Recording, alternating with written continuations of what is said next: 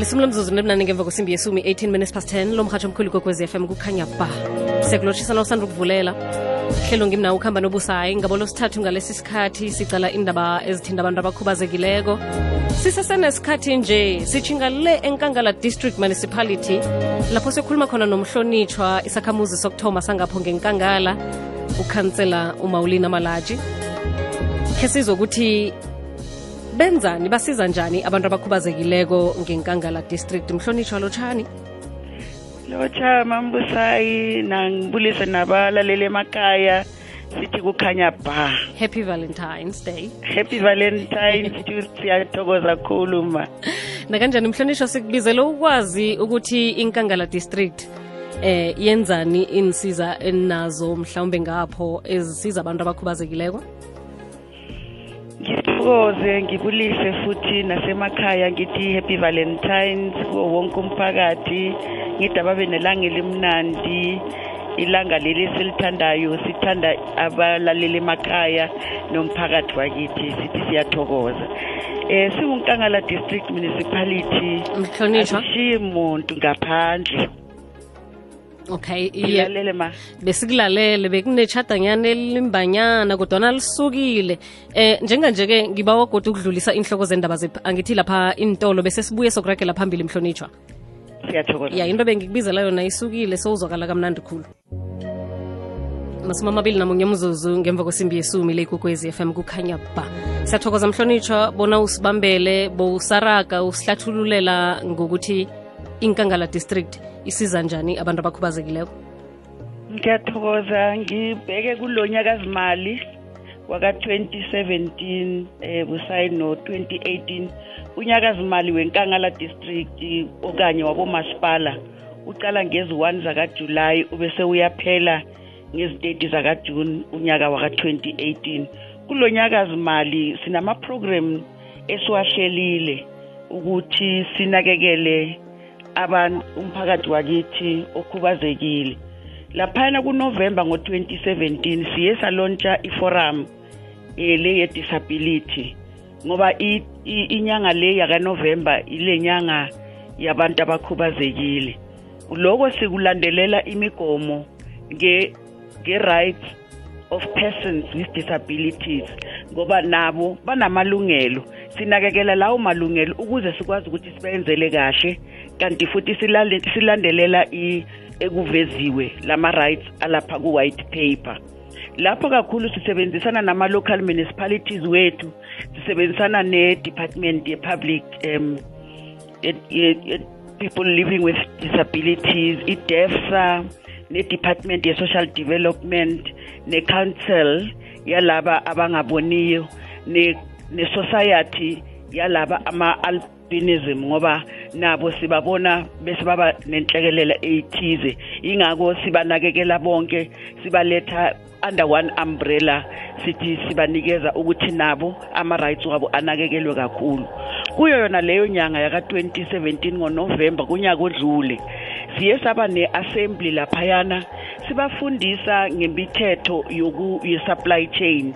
Especially ama-procedures okanye imigomo esiyilandelelayo njengomasipala ukuze nabo bakwazi ukuthi badlale ichaza ekuthuthukiseni amabhizinisi wabo ukuze mhlambe abanye bayakwazi ukusebenza abanye bese bayakwazi ukuyenza amabhizinisi ngoba nabo siyafisa ukuthi bakwazi ukucontributor ku-mainstream ye-economy yala enkangala kumamasipala wabo okanye eSouth Africa nempumalanga yonkana.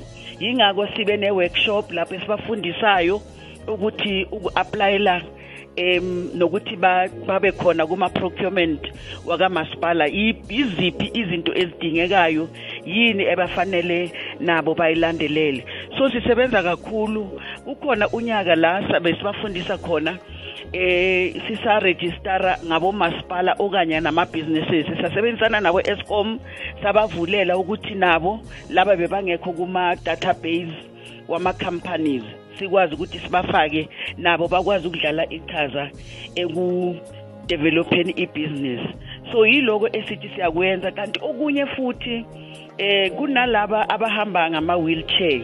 Sibe ne-wheelchair eh i-workshop for laba abahamba ngama-wheelchair ukubaqinisa nokubafundisa mhlambe laba bangakwazi ukuhamba kahle ngoba siba nesikhathi lapho sisebenzisana nama-partners wethu wamabhizinisi. Bayasipha izipho zokuthi sithenge ama-wheelchair sithengele imiphakathi yakithi. So ngoba lokho kubhekeke njenge-human rights eh month ngoMarch ngo2018 siplane futhi ukuze njengoba sibaphila amanye ama wheelchair sizochubeka sibaqinise nokubafundisa ukuhamba ngama ngama wheelchair. Lokho kuzoyenzeka manje kulenyaka ezayo yaka March em siyazi ukuthi esikhathini esiningi uthola ukuthi abanye bayakwazi ukuzenzela uthola ukuthi abanye abakwazi ukuzenzela abanye mhlambe basesebasha kuma wheelchair. So sithatha wonke umuntu on board ukuthi ama ama wheelchair akhona ahlukahlukene amanye ayazihambela abanye adinga usizo uthola ukuthi bayabaphusha. Kodwa kuko konke lokho siyakwazi ukuthi sizoba trainer and sizobe sisebenzisana nama companies ahlukahlukene nama departments ahlukahlukene. Siyaqhubeka kanti ke kubalaleli emakhaya. Ukuthi le program yethu sibeke u30% ukuthi ye procurement yethu sithi sizoyinikeza eh imiphakathi yakithi yalabo abakhubazekile. Lokho kusikwenzela ukuthi si ba empowerishe economically. So sikhuluma nge-economic empowerment for people with disability. Yingakho siqale sabafundisa ukuthi inkambiso yokuprocura inkambiso yamathenda wasenkangala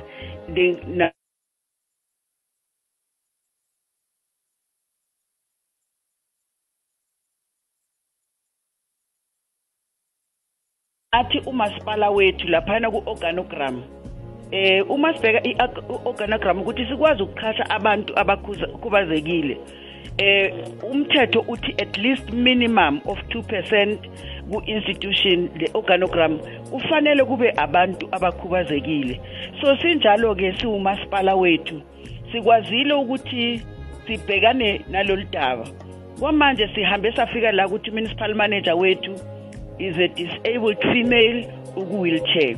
Sino-general manager wethu we-corporate services naye ukhubazekile eh akanaso isandla.